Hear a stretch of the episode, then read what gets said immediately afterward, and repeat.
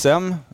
Det är andra dagen på SM detta året och med mig i våran SM-studio här har jag headcoach för senior herr och dam, Lennart Bernström. Vi har Lina Skoghagen, nyutnämnd headcoach för ungdom junior damer och Mikael Broman, headcoach för ungdom junior herrar. Varmt välkomna. Tack, tack. Tackar. Ehm, det kommer vara en relativt späckad dag idag. Eh, första matcherna börjar klockan två. Det kommer vara 20 seniormatcher och 19 ungdom och juniormatcher. Så att vi hoppas att ni tunar in och hänger kvar hela vägen fram till dess. Ehm, Vi har lite att prata om och den första frågan som jag skulle vilja ställa till er innan vi pratar lite om era roller och vad ni, vad ni tycker om svensk boxning är just vad betyder SM för er på ett personligt plan? Vi kan ju börja med Lennart Bernström. Framförallt, eller det är ju att få en helhetssyn vad svensk boxning står idag. Det är ju det SM är för mig. Bra svar. Mikael? Eh, generellt sett så kan man väl säga då att eh, det är ju en samlingsplats där egentligen all svensk boxning möts. Det innebär att alla de bästa är förhoppningsvis här om man inte är sjuk eller frånvarande. Eh, man har ofta bestämt sig för vilken klass man är, kommer att boxa i under den närmaste framtiden. Och det gör att man får en väldigt bra överblick över vilka boxare som har den bästa statusen just nu. Och eh, det ger oss en liten vägledning inför framtiden. Lina? Nej, men jag håller med Lennart och Micke här. Det är möjlighet att få se de bästa boxarna i Sverige. Och sen tycker jag framförallt att det är, ja, men det är spännande och det är kul att se framförallt all vilja som visas här. Du har ju boxats både nationellt och internationellt och haft en väldigt bra karriär. Speciellt inhemskt innan du kom ut i landslaget. Om jag skulle säga ett boxarsynpunkt, vad betyder ett SM då? Alltså SM är ju ändå, det är liksom det största. Eh, och det kan oftast vara, eller för mig var det me- mer nervöst att boxa SM än att liksom boxa utomlands och så, för då var man ju uttagen redan. Här var det väldigt mycket så här, man vill vara bäst, man vill visa, man vill ha första platsen. Så det var ju mycket prestige i det liksom. Det var, ja men det var årets mål. Lennart, eh, du har ju, är ju ny, nygammal coach ett inom svensk ord. boxning. Ja. Ehm, ditt första SM, vad är, vad är ditt första minne? Kommer du ihåg det? Eh, Som kapten? Eh, Ja, det Precis. gör jag mycket väl. Det är eh, 1993 i Västerås och eh, Hallstahammar gick det. Och det var också på fyra dagar och eh, var bland annat i 67 kilosklassen kommer jag ihåg fick jag plocka bort två boxare för det var 18 anmälda. Oj.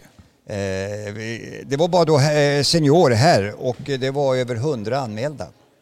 Så eh, det, det, det var ett spännande bra, bra SM och eh, eh, när man sen tänker eh, mycket SM, okej det är eh, väldigt hög presti- prestige att bli bäst i Sverige. Men i, i vårt jobb, nu talar jag för eh, oss alla tre, så är det också att eh, härifrån få en bra grund att titta på vilka vi ska ta ut i internationella mästerskap. Och då tycker jag det är en viktig poäng som jag brukar betona till alla klubbtränare att obs, vi möter inte svenskar på internationella mästerskap. Så eh, det är flera värderingar man gör och, och, och tittar på, inte bara att man vinner SM. Det kan finnas en annan aspekt också man ser på. Så, och Mikael Broman, då tänker jag lite, om vi går in, in i just det här jobbet ni gör på SM. För det, det kan ju vara oftast en liten fråga om det här att ja, men, vi har en boxare som har vunnit många SM, men de kanske inte boxas internationellt. Hur, vad, vad är kriteriet för dig när du ska ta ut en boxare till landslag? Alltså grundförutsättningarna eh, ur mitt perspektiv att titta på en, en satsning, den är ju långsiktig. Jag jobbar ju med ungdomar och juniorer. Det, målsättningen är ju inte att de ska vara som bäst idag utan målsättningen är ju att se att det finns en potential och en möjlighet för den boxaren att utvecklas på sikt. Och då tittar jag i första hand på boxarens egen vilja och initiativ och vart han befinner sig och vad han har för vilja, driv och målkraft, målbild i sin boxning. Utifrån det sen tittar man på klubben, omgivningen, den eh, allra närmaste miljön som boxaren befinner sig i och vad det finns för möjligheter där för honom att satsa. Och som tredje eh, parameter kommer resultaten. Men givetvis, eh, en guldmedalj på ett svenskt mästerskap är ju ingenting negativt för en boxare utan snarare någonting som är väldigt positivt. Eh, men det är inte avgörande. Jag brukar också säga, precis som Lennart säger, vi möter inte svenskar utomlands. Så att bara för att man vinner en viktklass så innebär inte det att man är redo för en internationell satsning. Mm. Mm. Tack. Eh, Lina, nu, nu, den här rollen som du har nu då som, ehm, som landslagscoach. Du har ju sett internationellt som en boxare. Hur tänker du när du ska föra, alltså hur viktig är ditt jobb med hemmaklubben för att, för att få dem att sätta boxaren i rätt sinnesstämning för internationell tävling? Framförallt är det ju såklart att erbjuda dem alltså möjligheten att komma ut internationellt och då gäller det att hitta turneringar som eh, är på rätt nivå så det inte blir för tufft i början. Eh, för det är ju skillnad som eh, både Lennart och Mikael säger här att boxa internationellt och i Sverige. Det är högre nivå oftast och ja, så ja, möjlighet att komma ut och mm. se.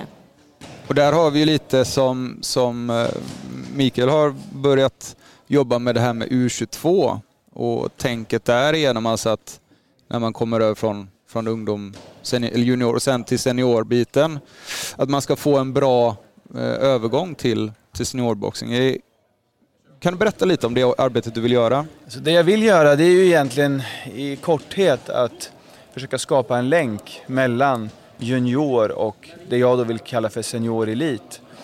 Eh, det är ju ändå så att eftersom att boxningen internationellt sett är betydligt tuffare än vad den är nationellt i Sverige eh, så innebär ju det att eh, när du kliver över från junior till senior så är det inte alltid säkert att du har hunnit med och genomgå den skolan du behöver för att kunna på riktigt eh, konkurrera och vara med internationellt. Och då kan det vara väldigt lämpligt att man då satsar på att hitta turneringar, tävlingar eh, där man i första hand då väljer att möta motstånd som är i sin egen ålder, alltså som också är nyblivna seniorer så att säga. Och då finns ju segmentet U22, vilket man också har ett eget EM, U22-EM. Och det här är ju någonting som inte bara vi i Sverige tittar på utan hela Europa idag jobbar ju med U22-segmentet och man har renodlade tävlingar eller vissa tävlingar där man renodlar en boxningsklass i U22-segmentet mm. för att just ge seniorerna möjligheten att utvecklas i en långsammare takt och att man inte bara kastas in i det här stora gapet av världens allra bästa boxare, det första som händer när man kliver mm. över till senior. Utan att man får en mjuk övergång och möjligheten att fortsätta utvecklas. Vi startar ju, och det ska man veta i svensk boxning, på grund av diplomboxningen så startar ju vi med den riktiga boxningen först i ungdomsåren, alltså vid 15 års ålder. Och det gör ju att vi jämför det internationellt så börjar ju de boxas på riktigt redan från 10 eller 12 års ålder. Det gör att vår startsträcka är lite längre när vi kommer ut internationellt och boxar. Vi har egentligen bara fyra år där vi sysslar med det vi kallar för riktig boxning. Och då behöver vi kanske ett, två extra år på oss för att verkligen nå världstoppen. Och det är där vi vill skapa en brygga mellan junior och senior. Tack. Lennart Bernström, eh, hur genomförbart är det i svensk boxning, om man tittar nu, fem år framåt och tio år framåt, att arbeta med U22? Inhemskt då så att säga. Ja, eh, eh precis som för att haka på eh, Mikael där så eh, är det ju internationellt mästerskap på Eh, U22. Vi tog ju faktiskt en bronsmedalj där i våras genom mm. Stefan Etor som tog brons och eh, vi hade även två killar med som gick till kvartsfinal, förlorade väldigt knappt. Eh, det var då jag fick idén så att säga, för Eh, nygammal i det här jobbet så förra året vid årsskiftet så gick några duktiga juniorer över och blev senior. Men i den viktklassen som eh, de gick över i så fanns det duktiga seniorer redan. Och då har ju Mikael eh, utbildat dem i, i, ett par år och eh, så plötsligt kommer de över seniorer och då får de inte plats. Så här kan vi inte jobba tänkte jag. Utan vi måste, och vi har så faktiskt få, vi måste vara rädda om de vi har. Har vi lagt ner resurser och träning i så många år så ska vi gå vidare och eh, då bollar jag det här med Mikael i en av de många långa samtal vi har varje vecka, eller hur? Mm, ja, absolut. Ja. Ja, men, gott eh, samarbete, absolut. Mycket gott samarbete och det här måste vi göra någonting åt. Och då tänkte jag, Mikael är naturlig för detta att eh, genom att han har jobbat med dem så får han då tre år till. Och eh, det här tror jag, det här är så pass nytt. Det är första gången vi går in i det nu i den här säsongen.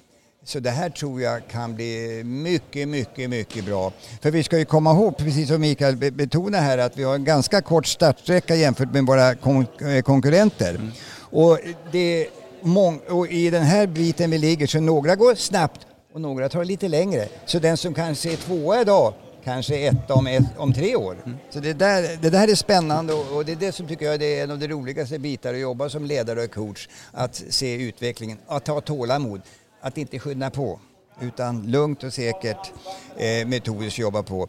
Eh, och jag är ju, det är ingen hemlighet, jag är ju skolad av den gamla sovjetiska skolan, ryska skolan. Eh, min eh, gode vän där borta, eh, Nikolaj Fromov, jämngammal med mig förresten, eller lika ung ska jag kanske säga, för att se den optimistiska biten om det hela. Han är idag chef för eh, U22. Eh, De kan vi bara säga Micke, de ligger på läger nu i två veckor i Dagestan. Ja, du ser, Ja. det skulle vi varit med. Ja, det skulle vi varit med. Eh, Det är ingen dum idé. Det ska vi vara om några år. Ehm, Lina, om vi skiftar fokus lite nu, nu har vi pratat lite om vad som händer efter, eh, ja, efter seniordebut och så vidare. Vad kommer ditt största fokus vara för att bygga de här ungdom, juniorerna under de här fyraårsperioderna och sen lämna över en bra, man får säga produkt, men alltså en bra boxare till, till Lennart? Och vad, vad är det viktigaste för dig?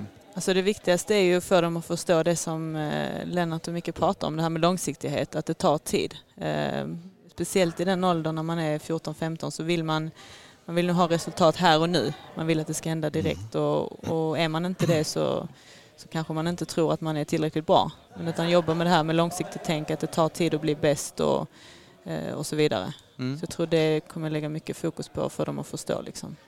Får jag sticka in en sak där, det är U22, det är eh, genom att Mikael då är ansvarig för här ungdomar junior så är Lina, genom att vi inte har lika många boxare på damsidan så beslöt jag i samråd med Lina att hon eh, kommer vara chef för upp till 22 på damsidan. Ja, så hon ja. har samma uppgift som Mikael har där, det är viktigt att betona. Att hon, hon är då eh, ungdom och juniorchef men även följer hon med upp. U22. Ja, Och då, då bakar man in dem i Ja. ett, ett sorts ungdom, eller yngre människor-segment kan man säga då. yes. Är det en vanlig approach internationellt att göra på det sättet eller är det...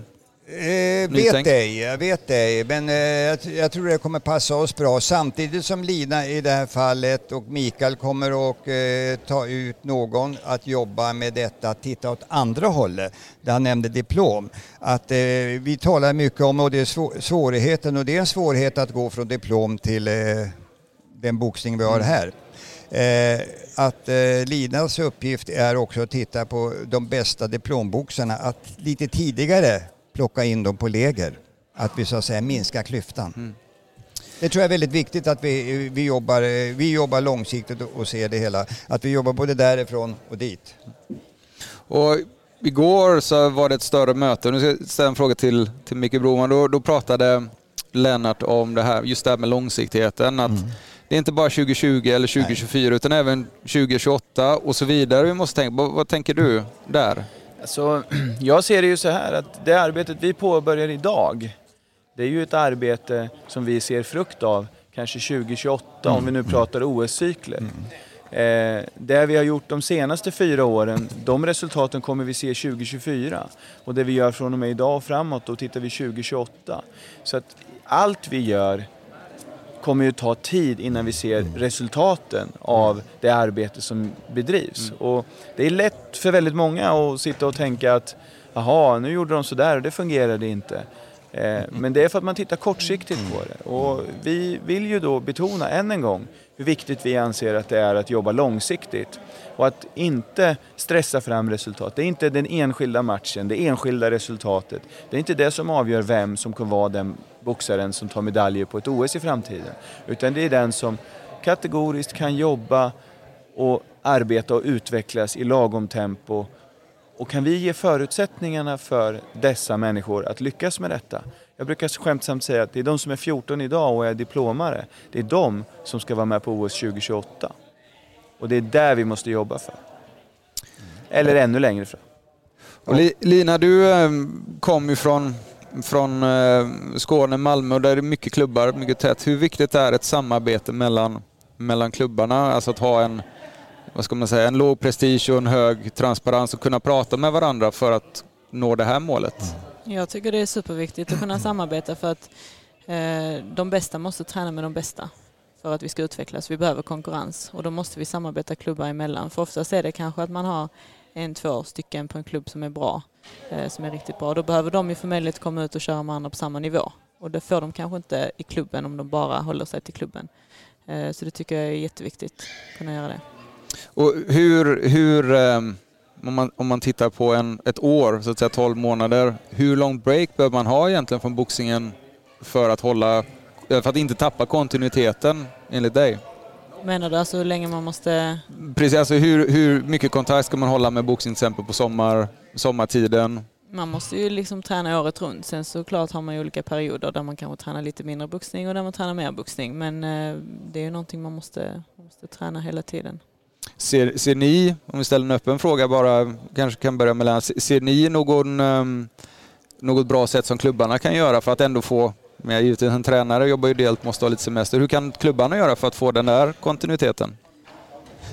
Ha längre säsong framför allt. Eh, det, här, det här är en väldigt intressant fråga. Jag har ju haft äran att haft det här jobbet tidigare, 1992, och då hade jag en samling med tränarna två dagar och eh, då ställde jag ju frågan så här, eh, för vi, vi talar att vi ska nå världselit och då kanske vi ska börja titta på verkligheten hur vi har det i Sverige. Nu får ni rätta mig här om det är mycket fel på, på hur många år är det från 92 till nu? Du som är snabb i matematik Linus. Jaha, det är 26 va? Nej? 10. Ja. Frågan boxar om räkning nu. Ja, ja. Eh, 90, 1992 slutade vi regel i lokalerna i april i bästa fall höll vi någon på. Så började vi i augusti. Då mm. tappade vi maj, juni, juli, tre månader. Våra konkurrenter tränade och tävlade i 11 månader. Räkna ut Eh, under en OS-cykel hur många månader vi tappar, hur mycket träningstid vi tappar. Mm. Ja, det är ju... Ett helt år det. Ja. Tack. Tack.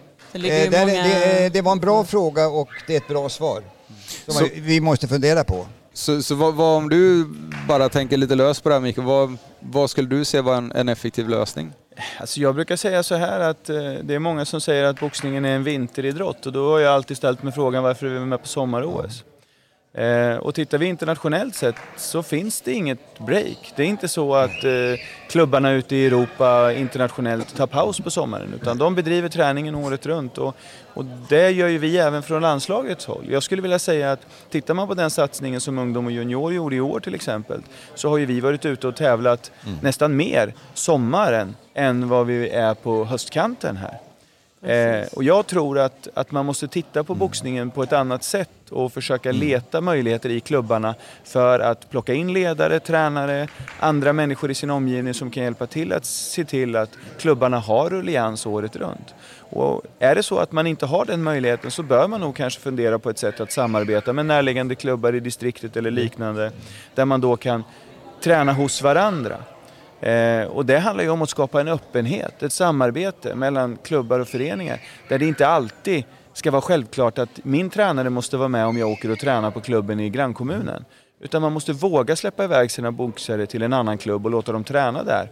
Utan att man för den skull ska vara rädd för att de ska gå över och byta klubb och eh, bli övertalade och tävla för en annan förening och så vidare. Vi måste bli bättre på att byta tjänster med varandra och hjälpa varandra för idrotten är så pass liten så gör vi inte det så då har vi ett problem.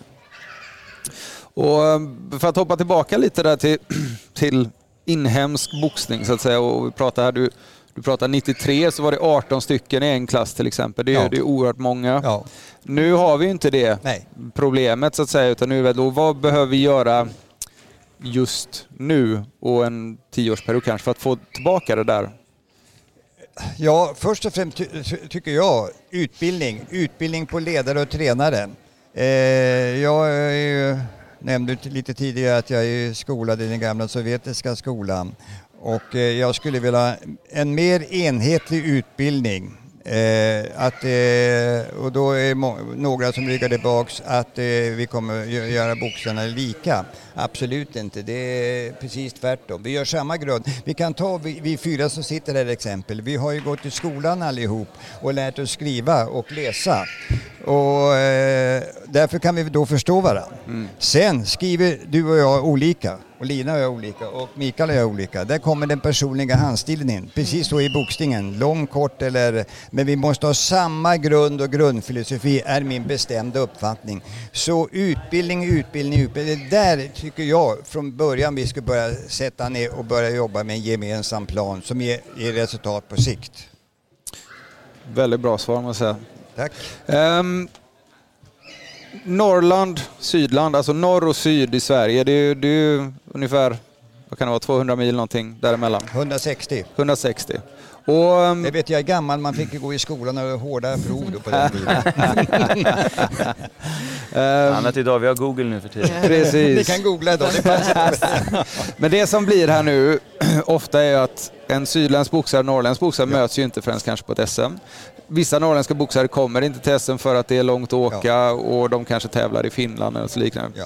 Vad är, om vi svänger lite till Lina till exempel Mm. som har boxats närmast utav, utav oss här. Mm. Vad tror du kan vara en lösning för att få det här att komma närmare varandra? Att få en, en, en tävling under året så att säga. Så eller att det är tävlingar. liksom där alla möts ändå Ja, oavsett precis. var man bor. Ja, men jag tror väl mycket på det här med samarbeta klubbar emellan. Mm. Eh, för det kanske är svårt för flera klubbar uppe i Norrland att åka ner till exempel. Men om det är en klubb som drar ihop det och ansvarar för det så kan alla åka med och så vidare. Eller att vi där nere också måste ta oss upp liksom. Eller att man sprider ut det eller gör det mer centralt och ja, så det blir lika långt för alla att åka. Men ja, samarbeta lite klubbar emellan och ja, Eh, Micke Broman, nybörjare, om vi pratar boxning, alltså nu pratar vi, och när jag tänker nybörjare så tänker jag mellan C och A då, alltså i spannet däremellan, säger vi. Mm. Ehm, vad, vad kan man göra där? Alltså just för att få att en C-boxare får många matcher som är på rätt nivå, så att det inte blir att de endast gångerna de får matchen är på en större turnering. Alltså jag, jag brukar ju säga så här. Eh, så grunden till, till all utveckling. Eh, det är ju dels träningen, det är grund, grundförutsättningen och grundprincipen, grundträningen på klubben. Att resa runt till klubbarna i närområdet och jobba med sparring och utveckling och utbyta erfarenheter och så vidare. Men när man har kommit förbi det här stadiet då är det viktigt att man söker sig längre bort, att man söker sig vidare till annat motstånd, till andra möjligheter. Och tittar vi ur ett landslagsperspektiv så är det så att vi väljer att resa till Tyskland, vi väljer att resa till Polen, vi väljer att resa till Irland, Litauen, Finland, Lettland och så vidare. Ryssland, väldigt populärt hos Lennart och, och vi andra vill gärna följa det exemplet. Då. De är ju världsledande. Ja, så det är inte en så dum tanke. Eh, och det är samma sak om man befinner sig långt norrut eller om man bef- befinner sig långt söderut. Man måste vara beredd att göra resan. Mm, man måste ta sig dit där boxningen Ja. finns. Du kan inte förvänta dig att boxningen kommer till dig, utan du måste ta dig dit där utvecklingen finns. Mm. Titta på en skidåkare idag som bor i en innerstad mitt i centrala Sverige, till exempel om man är placerad i Örebro till exempel. Det är snö kanske två månader om året i bästa fall. Men en skidåkare nöjer sig ju inte med att träna två månader om året. Han reser ju dit snön finns. För att på så vis kunna träna tio månader om året istället. Boxarna måste göra samma sak. Och jag har full förståelse för att man inte har råd som klubb att alltid resa på alla tävlingar, turneringar, galor, allt vad det nu kan vara för någonting. Men där måste man släppa prestigen. Det som jag har pratat så många gånger om tidigare. Att låta samarbetena flöda. För precis som jag gör när jag plockar ut ett lag och åker till Polen på ett träningsläger eller en tävling. Så är ju jag en organisatör som plockar in boxare från många olika klubbar runt om i hela landet. Och så åker jag som ledare tillsammans med dessa boxare. Varje enskilt distrikt, område, klubb kan göra samma sak. Men vi är lite bundna i idrotten idag. Många tränare som känner att de inte vågar släppa iväg sin boxare. Och gärna i tid, alltså ju längre de kommer på stegen desto lättare blir det att släppa iväg sin boxare med en annan tränare. Men man måste våga släppa dem även som C-boxare. Det vill säga, finns det en turnering i Köping till exempel och jag inte kan åka så kanske jag kan skicka med min boxare tillsammans med klubben bredvid som ska åka. Och då måste jag våga göra det även för C-boxare och B-boxare. Då får vi en utveckling i svensk idrott och svensk boxning. Mycket bra så. Tack så mycket. Ehm, vi ska fokusera lite mer här och nu. Ehm, och vi kan väl börja lite med uh, gårdagen. Um, Lennart, om vi, om vi tittar på ett perspektiv eh, ur åskådare, vad tyckte du om gårdagen? Det, eh, framförallt var det väldigt sp- spännande, några spännande matcher. Eh, det var väl några som föll i ramen som man kanske, om man ska vara ärlig, och då ska man ju vara när man sitter i TV, kanske inte skulle varit med på detta mästerskap. Eh, det, det, tycker jag, det, det, det måste vi göra i Ja. den rollen vi har. Men eh, annars var det några väldigt jämna, fina fighter att- att se så att säga. Så, eh, det var en förhållandevis rätt lyckad afton, absolut. Mm.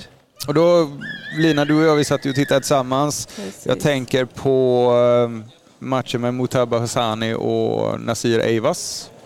Vad tänkte du där?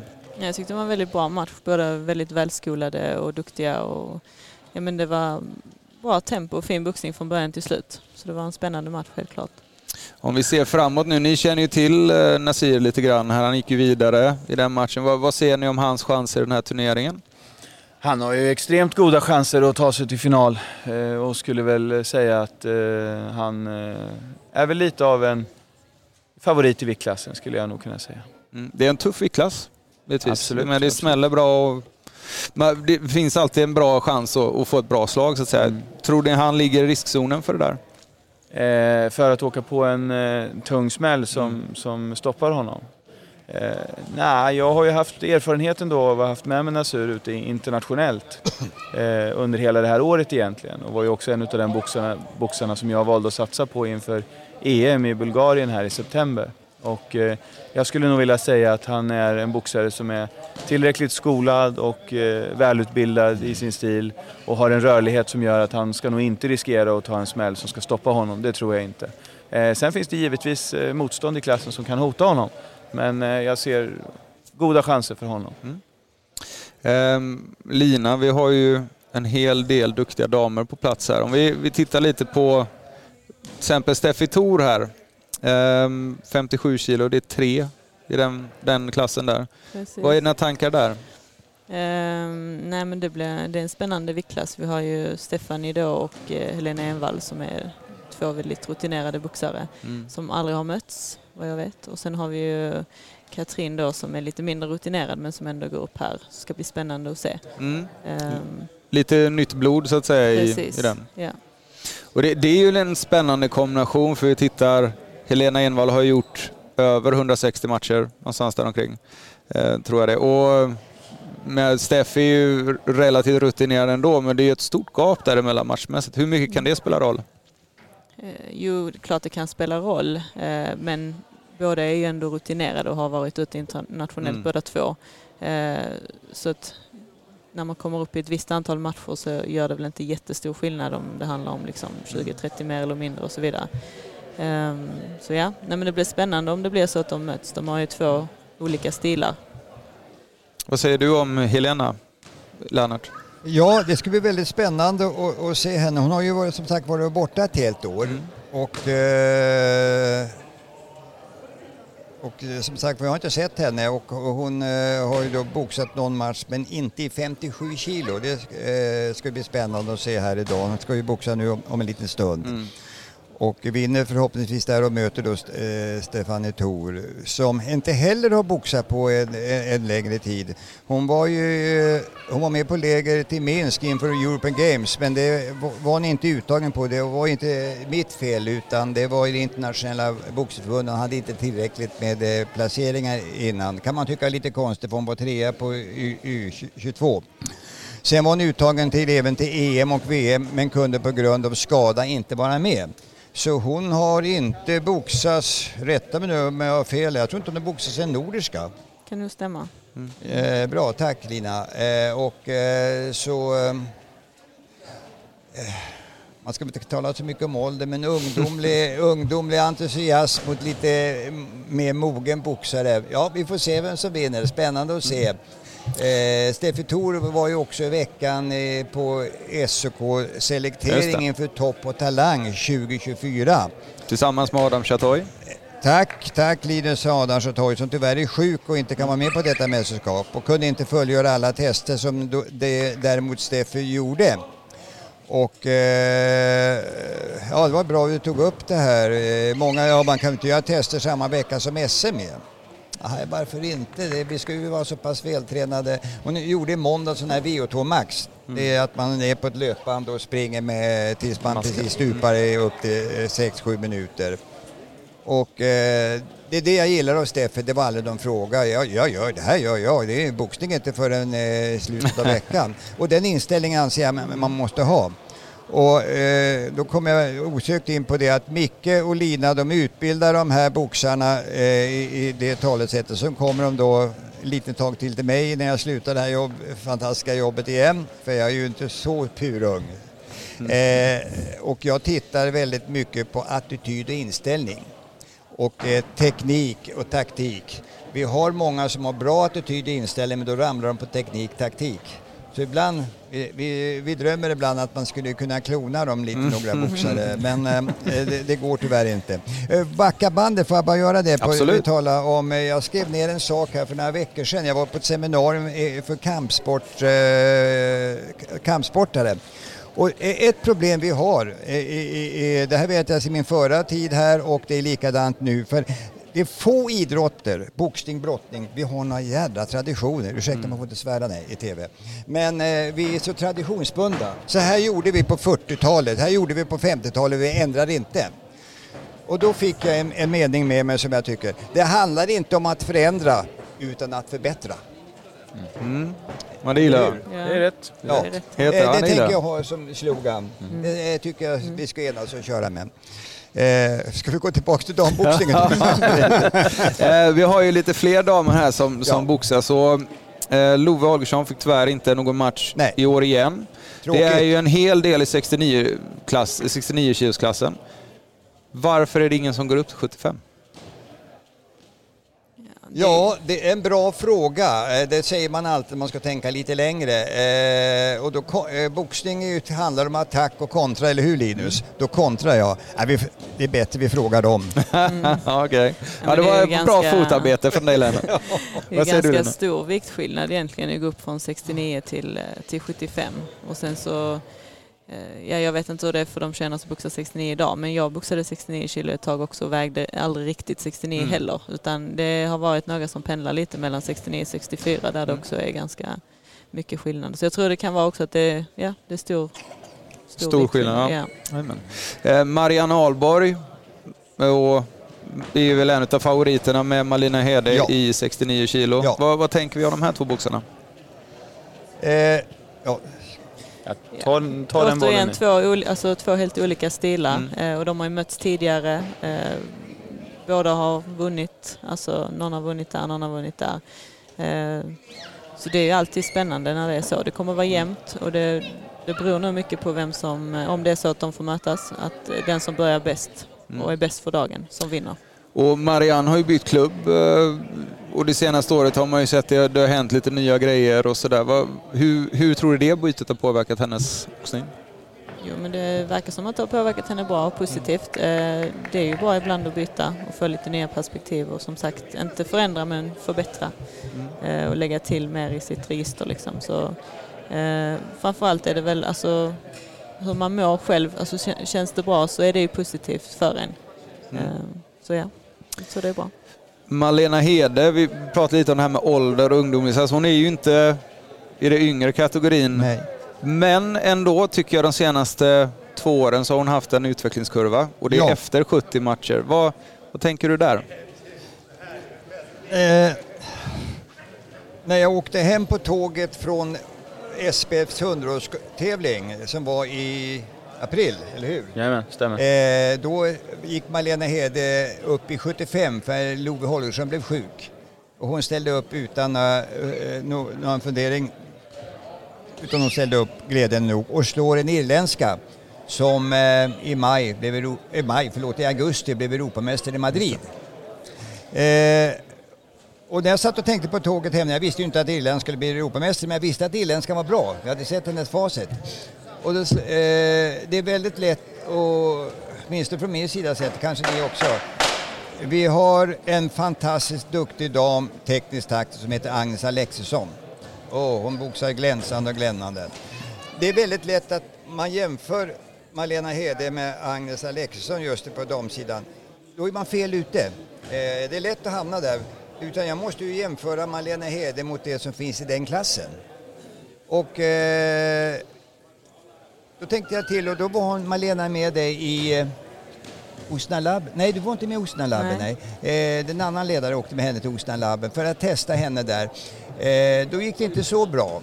Eh, nu får jag se var hon står här idag och sen ska vi se vad vi... För ålder, det är ju egentligen bara en siffra. Jag, måste, jag är ju ute för att ha den bästa boxaren oavsett ålder. Eh, det finns flera eh, damer som också börjar väldigt sent. Eh, jag lyssnade på eh, Mikael Broman här, vi satt under Nordiska i april. Vi har en annan exempel och eh, då kan man ju se de började väldigt sent och se vilken bra utvecklingskurva de har haft på den här korta tiden de har varit.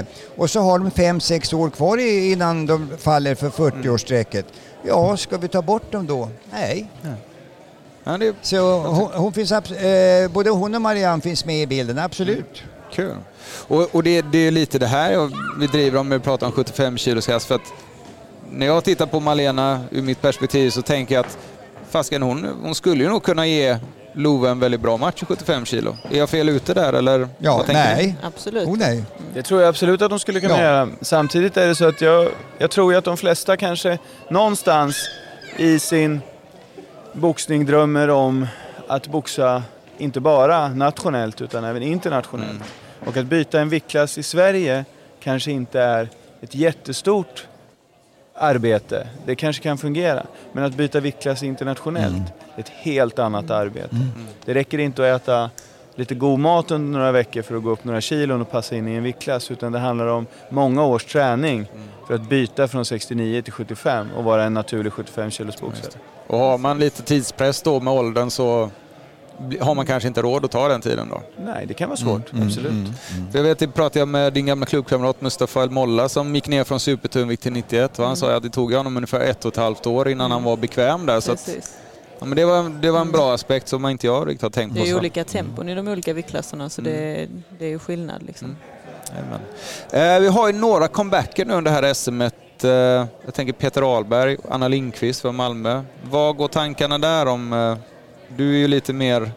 Peter Ahlberg är ditt territorium. Ja, absolut. Nej, alltså Peter, Peter är ju en boxare, du säger comeback, jag skulle inte vilja säga att det är en comeback utan han har kontinuerligt alltid ja. tränat eh, och eh, kontinuerligt från diplomålder alltid varit aktiv inom boxningen och eh, tränat egentligen konstant. Men samtidigt så har han haft en hel del skador och det har gjort att han har fallit ifrån under korta perioder där han inte har kunnat träna just boxning.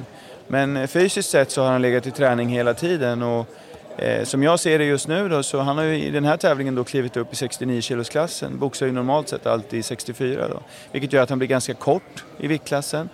Eh, men han är explosiv och stark eh, och han har definitivt goda chanser att vara en av de som står i finalen mot Nasir i just 69. Ja, han såg ut att ha en väldigt bra motor också när vi tittade på mm. honom igår. Det var inte så att han tog slut på något sätt utan tuffa på bra där. Mm. Eh, Anna Lindqvist då, ni har väl sett varandra en hel del under åren? Yes, det har vi. Vad tänker du där? Eh, nej men Anna har också, vad jag vet, alltid hållit igång träningen. Eh, sen har hon pluggat senaste åren, eh, vad jag vet från när jag pratat med henne och då har hon inte haft tid att tävla på samma sätt. Ja, eh, men hållit igång liksom. Eh, jag såg henne nu i, i, King of the Ring på sån här round robin för tjejer mm. där hon boxar. Eh, och hon ser ut att vara i den form som hon brukar vara mm. när hon tävlar. Och precis, och, och för Anna är, är, det ju så att hon är ju klar med sin utbildning om en månad. Hon ska bli sjuksköterska. Vad, okay. vad, hur tänker du där? Hon är 25 år, har tre SM-guld, har varit väldigt bra i Sverige under en lång tid innan hon haft sin paus. Börjar kugga snurra hos dig så att säga, är det intressant? Det ska bli väldigt intressant att se henne. Jag har bara sett resultat, jag har inte sett henne live. Och eh, vi talade ju här för en eh, minut sedan om Malena Hede.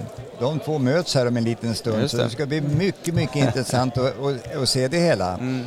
Det, och jag tittar inte, min filosofi tittar jag inte bara på en match utan jag, jag, jag försöker se mer helheten. Mm. Och det är ju svårigheten eh, i, framförallt i Linas och mitt arbete att det är alldeles för få matcher framförallt på damsidan. Det, det, det är synd, man skulle vilja se dem i flera, mm. flera fighter men så är det. Nej, men det blir mycket intressant att se henne. Bra. Hörrni, eh, vi ska, vi ska avrunda lite här. Men jag tänkte innan, innan vi gör detta, innan vi, vi slutar upp, så, så går vi en person här och så kan väl ni kanske nämna någon person som ni ser fram emot att se. Eh, någon som ni har sett förut och inte har sett på ett tag och vidare. bara ge en liten kort samman, sammanfattning eh, om era tankar om dagen idag. Vi börjar med Lina. Eh, dagen idag så ska det bli väldigt spännande att se ungdom juniortjejerna. Det är några som jag har sett innan och som varit med mig under året internationellt och så vidare. Och sen är det några nya. Eh, så där skulle jag säga att allihopa är lika intressant för mig att se. För jag vill ju se ja, vad det finns och hur, de, hur det går för dem. Eh, och på seniorsidan på tjejerna så ska det bli spännande att se både Marianne och, och Malena boxa idag. Mm. Yes. Tack. Mikael? Eh, om vi utgår ifrån så mitt segment och ungdom och junior så, så är det ett otroligt intressant möte idag eh, mellan Noah Nordby från Kalmar eh, och Daniel Sayad eh, ifrån eh, Redline. Eh, två boxare som har varit med i landslaget, boxat internationellt båda två. Daniel Sayad blev nordisk mästare i mars månad. Och eh, Noah Nordby har varit med på EM och eh, ute och tävlat på de större internationella turneringarna i år. Eh, så matchmässigt så har Noah kanske matchat lite mer under året än vad Daniel har gjort. Men eh, Daniel är en rörlig och fin boxare som är svår att träffa och det ska bli väldigt intressant att se det mötet idag och se vem av dem som här idag och på svenska mästerskapen blir den som går till final. Lennart? Eh, Jag har inte så sto- stora svårigheter heller utan att hitta ett riktigt sånt här eh, superägg och vi och se fram emot på herrsenior. Nämligen 69 kilo mellan VM-boxaren Billy Liljeqvist och Adolfo Sylva från Halmstad. Eh, min för, företrädare tror jag, Nigel Davis. Är det rätt om man säger för? Ja, det är din företrädare kan man säga. Ja. Han vet jag hade en Adolfo Sylva som sin stora favorit. Jag tycker Adolfo Sylva har en väldigt fin teknik och han var med i Nordiska och blev nordisk mästare. Jag prövade lite, då fick inte Billy chansen för Billy hade varit på andra tävlingar i EU, EU, U22 så tog jag tvåan. Så, eh, det, men Billy har då varit på, nu på VM och nu får Billy och Adolfo mötas sen. De möttes förra året på SM, en mycket spännande fight. Så det här är, oh, Ja, jag ser verkligen fram emot den. Boxningsgodis. Hörni, tack så jättemycket för det här. Det har varit jättetrevligt att ha er här. Och ni där hemma, ni kommer ju börja med matcherna inom knappa 20 minuter. Ni kommer höra först Mikael Broman och mig och så sen eh, Lina Skoghagen och mig. Och kom gärna in och titta imorgon vid samma tid. Vi kommer köra en eh, SM-studio då också och eh, har fler intressanta gäster. Ni kommer föra mer om det på Facebook, på knockout.no och eh, era sociala medier. Så tack för idag och så Tack själv. Tack så Tack, tack. hörs vi snart.